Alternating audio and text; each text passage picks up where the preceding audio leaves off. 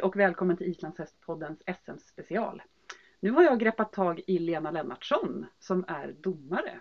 Välkommen till podden Lena. Ja, tack så mycket. Hur skulle du beskriva dig själv? Vem är Lena Lennartsson? Ja, jag är en vanlig hästtjej som har hållit på med hästar ända sedan jag var liten. Ridit alla möjliga sorters hästar och höll ju på med ponny som sagt länge, shetlandsponny, red barbacka och hoppa och sånt där skoj som man gör när man är liten. Sen började jag ju rida stor häst, jag var ju ganska lång redan då. Jag fick gå över på stora hästar och var på väg och kanske fundera på att skaffa en stor häst i strax över 20-årsåldern. När en kompis råkade vara på plats och tyckte jag skulle följa med och titta på islandshäst-SM och det var ju så knasigt de här långa människorna på de här små hästarna. Och då, det här var ju 82 så hästarna var ju jättesmå. De låg ju runt 1,30 många och det är ganska ovanligt idag. Men det såg så kul ut så jag anmälde mig på en kurs, jag och en kompis, annan storhästkompis och där träffade jag mitt livs första hästkärlek och det blev Fenja då som jag köpte. Ja. Och sen på den vägen är det. Sen har det varit islandshästar Mm. sen dess. Mm. Ja. Och du är eh, internationell fife-domare. Ja. Ja. ja. Hur kom det sig att du blev domare? Vad är det som driver dig till att vara det? Ja, jag var ju, hade turen får jag säga när jag hade köpt Fenja här och hamnade i ett stall där det var jätteintresse för att utveckla gångarter och tävling och försöka bli bättre som ryttare. Så att det första som hände var att jag eh, åkte på kurs för Erik Andersen. Mm. Eh, och han tyckte ju min häst var kul för hon var jättepigg men jättesnäll så, så att jag hade inga problem med det. Eh, så jag tutade ju på i full fart och, men det där med att rida sakta var ju svårt och så började jag lära mig hur man skulle göra och det gick väl inte så bra men man försökte ju och jag började tävla. Och då var ju alla i stort sett fick ju hjälpa till på tävlingarna på den tiden. Så man fick ju vara sekreterare och grindvakt och allting för det fanns ju inga funktionärer. Det var ju vi som tävlade som funktionärer åt varandra. Ja. Och då började ju då jag sitta sekreterare åt bland annat Peter Häggberg och han tyckte att det här måste du lära dig och jag såg att jag såg vad som Mm. hände. Mm. Så jag gick en utbildning och så blev jag så glad för jag upptäckte att jag hade lite talang för det där. Mm. Och jag tog min domarexamen då några år efter jag hade köpt min första häst. Så Mm. knäppt. Men så blev det. ja. Mm. Och du har dömt sen dess? Ja, jag firade faktiskt 30 år som domare i fjol. Nej, får vi gratulera. ja, tackar. Ja.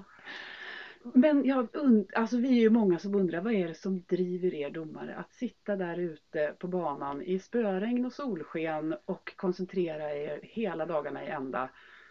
Vad är det roligaste med att döma? Ja, det allra, allra roligaste det är när det går bra för någon och man sätter höga poäng.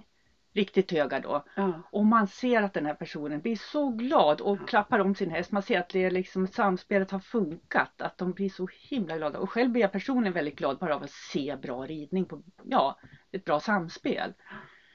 Och eh, jag kan bli så lika, få hjärtklappning eller så som även om man rider och blir väldigt glad så Mm. blir man ju liksom lite hög. Och jag kommer bli likadant när jag står in och dömer, jag ser att någonting har funkat för någon ryttare. Och man får slänga upp riktigt höga och det kan ju vara en 5-5 för någon som har kämpat jättelänge för att lära sig tölta. Men oftast är det ju eh, på riktigt hög elitnivå när någon får till Ja oavsett vilken gångart det är. Man blir så glad och blir så exalterad men det är ingen som förstår det. Att domarna kan stå där och vara småhöga också. Det är jättekul att Men det är det som är det roliga med det Ja. hela. Det är därför man håller på. Ja. Men vad är det mest utmanande? För det kan ju inte vara guld och gröna skogar hela tiden där ute på banan. Nej, man måste ju vara väldigt systematisk, hålla reda på regelverket, följa reglerna oavsett vad jag personligen tycker om vissa regler. Jag får inte lägga de värderingarna utan försöka sköta det så ja, professionellt som möjligt. Ja. Eh, följa handledningen, vara uppdaterad på alla nyheter, allt det här tekniska. För slarvar man med det då tappar man ju greppet totalt. Mm. Så det är väl det att kunna, eh, ja, det kommer mycket nytt och det är hela tiden små justeringar i reglementet eller förtydligande hur man ska hantera det ena och det andra.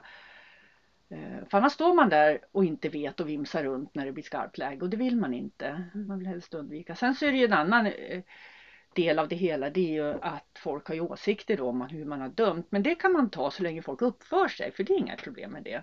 Men när, det går överstyr och folk skriker och är otrevliga eller slår sin häst och ja, alltså de beter sig illa både mot folk och mot framförallt hästarna är ju fruktansvärt. Mm. Det är väl baksidan kan man säga men det är sällan ändå. Mm. Det här med att hålla sig uppdaterad. är det domarens eget ansvar eller kommer det liksom Finns det någon utskick om att nu har det kommit en ny regel, läs på det här. Eller måste ni hålla er uppdaterade själva? Det kommer bara nya regler en gång per år, det är första april och då Mm. kommer det från FIFE. Mm. Och då är det då nyheter, ändringar i reglementet. Och då får man läsa på dem och skriva in det för hand i sin egen regelbok eller också printa ut en helt ny version. Mm. Är, nu har det kommit ett helt nytt regelverk som är väldigt eh, omständigt Mm. Eh, skrivet. Så jag tror de kommer ändra det igen. Men det, är ett eget ansvar att se till att man hänger med. Sen kan det komma förtydligande under året och det går via tävlingssektionen oftast då i SIF som skickar ut. Just. Mm. Nu är vi ju på SM 2017 och eh, här på SM och större tävlingar så är det ju alltid fem domare inne på valbanan som dömer samtidigt, stämmer det? Ja, det är det.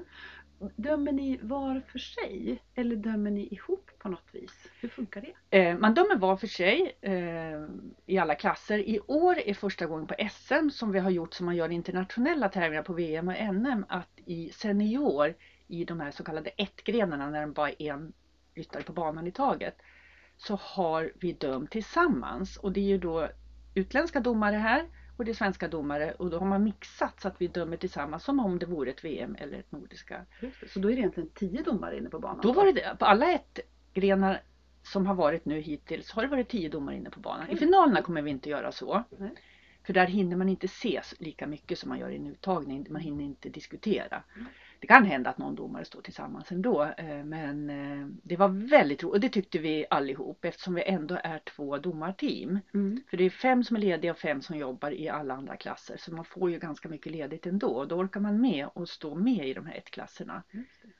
När ni är två stycken som dömer i ett-klasserna, dömer ni, är det en som dömer och en som diskuterar eller snackar ni ihop er? Är ni båda domare? Ofta så dömer man tillsammans, Ja. helt prestigelöst. Eh, Alla har varit med så länge och det är en som är ny och han smalt ju in i gänget direkt så här, ganska nyligen blivit Fife-domare som ska döma VM och, och sådär. Så att, men det är en som är ansvarig för poängen, det är en som står som domare på World Ranking-listorna sen. Okej, ja. Och är man minsta i tvivel om någon poäng då är det den som bestämmer. Då. Men det Mm. kan vara att man vill ha en sexa istället för 6-5. Alltså det Mm. sällan det är stora skillnader. Mm. Så ni är ganska eniga ändå i domargruppen, upplever ni eller? Ja, det behöver inte nödvändigtvis vara så. Eh, Man kan vara enig i, i den här lilla tvåpersonersgruppen. Okej, ja. Men i nästa hod där det står två andra domare och Ja. nästa bås och så vidare. Då kan du, det kunde vi se på fem gånger igår att några hade ju nollat vissa hästars pass medan andra hade sett poäng. Ja. För det blir väldigt stora skillnader. Och de två var ju eniga. Ja. Och de andra två var eniga. Så att Mm. Pratar ni i domarteamen om poängen efteråt? Som till exempel när det blir olika bedömningar. Ja. Pratar ni ihop er eller efteråt och diskuterar vad var det som hände? Det är inte organiserat möte där man har, diskussioner men vi pratar naturligtvis eh, när vi kommer av banan och Mm. man, för man är ju nyfiken och vill veta hur de har sett på det hela. Mm. Ibland kan det helt enkelt vara så att de som står längst ut på kanten de, de är de enda som ser att hästen är för sen att lägga pass till exempel. Mm. Eller att det har hänt någonting med takten just där som gör att de har dragit ner. Eller alternativt att de såg hur bra hästen accelererar mycket bättre än alla andra och därför var Mm. högre i poängen. Det. Mm. Så det kan vara både uppåt och neråt. Mm. Just det. Nu är vi ju på SM och det betyder att de bästa i landet är här. Och Sverige har ju faktiskt blivit bästa nation både på Nordiska förra året och på VM för två år sedan. Så Sverige har bland de bästa ryttarna i världen. Ja, det är ett så framgångsrikt landslag överhuvudtaget den Ja. sista tiden så det är ju jätte, jätteroligt. Fantastiskt Mm. roligt. Och ändå är det så att vi här på SM inte ser jättemånga av de högre poängen och vi har inte sett några tior. Nej, Så vi blir ju nyfikna. Vad är det egentligen som krävs för att få en tia eller en riktigt hög poäng? Och vad är det för skillnad mellan en nia och en tia? Ja, det kan man ju fråga sig. Eh, vi kan säga så här att om vi bara tar vad det är för skillnad på 9 och 10. Eh, för att veta svaret på det då måste man ha satt jättemånga nior och nio femmor och tior för då har man rangordnat dem. Mm. Det är ingen i världen som har gjort det. För så sällan förekommer det. Mm. Eh, däremot så är det så mycket, har man sett mycket internationellt så har man ganska bra koll vad det är för skillnad på en 8, 8, 5 och 9. Mm. För efter 8 är det högsta man kan få utan att det är det man kallar för då total harmoni i ekipaget. Eller Mm. excellent riding som det står på i engelska domarhandledningen. Mm. Så från 8-5 och uppåt så ska det vara totalt samspel. Mm. Så därför är det ju många som är jättebra men de stannar då på 8. Så det har man ganska bra koll på vad, vad som Mm. är skillnad från 8 och uppåt. Mm. 8, 5 och 9 är ju då oftast då hästens rörelse. För harmonin måste finnas där. Det gör den Mm. både på 8, 5 och 9. Men då är det ännu, ännu mer rörelse och mekanik och elasticitet i hästen. Och mellan 9 och 9, 5 och 10. Jag tror att när vi har sett tillräckligt många av den kvaliteten så kan vi vara helt säkra på vad som skiljer. Men det är naturligtvis ännu mer totalt samspel, ännu mer total kraft och korrekthet i det tekniska utförandet. Men det ska vara någonting som man nästan tappar andan. Mm. För jag vet när nian, jag vet precis hur min kropp reagerar när jag ser en nia. Mm. Berätta.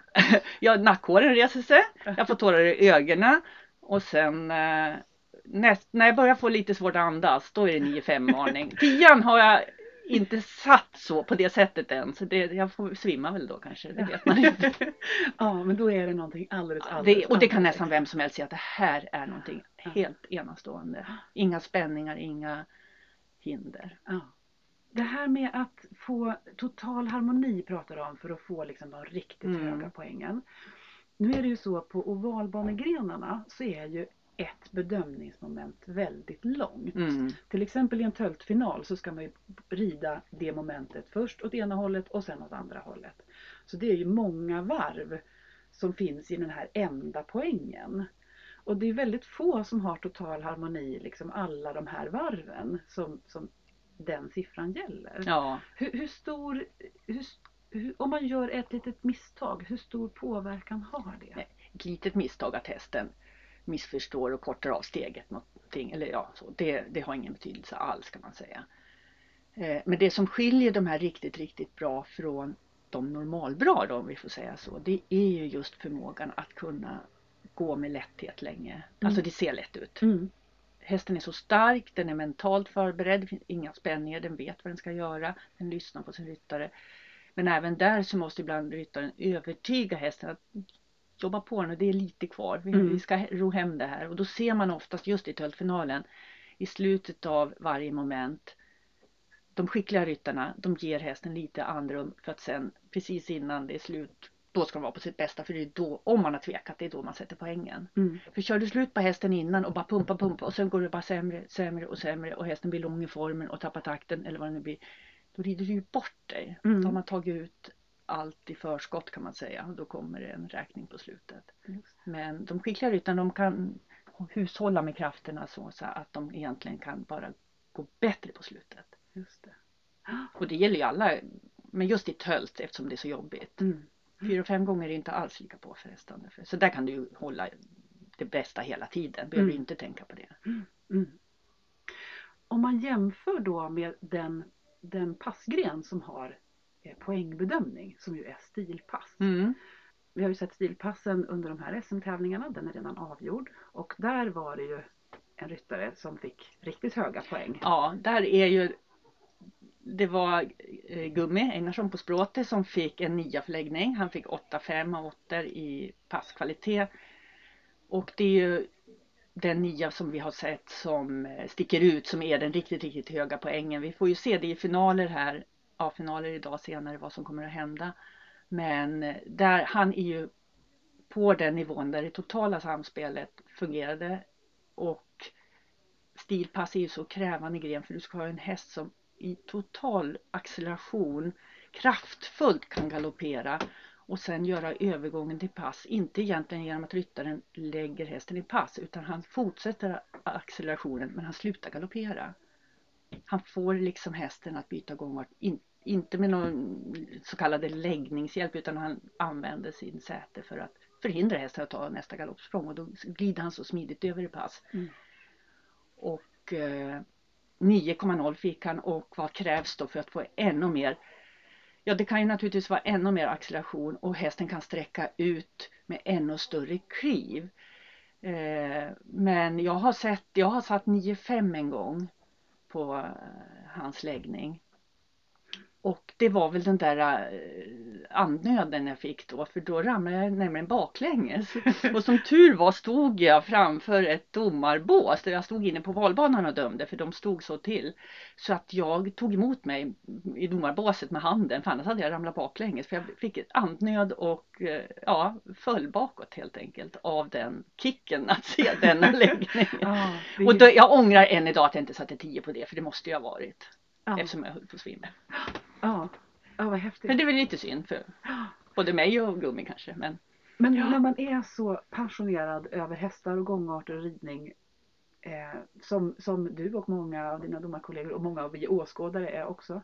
Att man får en fysisk reaktion, då vet man att det här är riktigt bra. ja, Kan vi ja, ja, sammanfatta ja, det det så? tycker jag.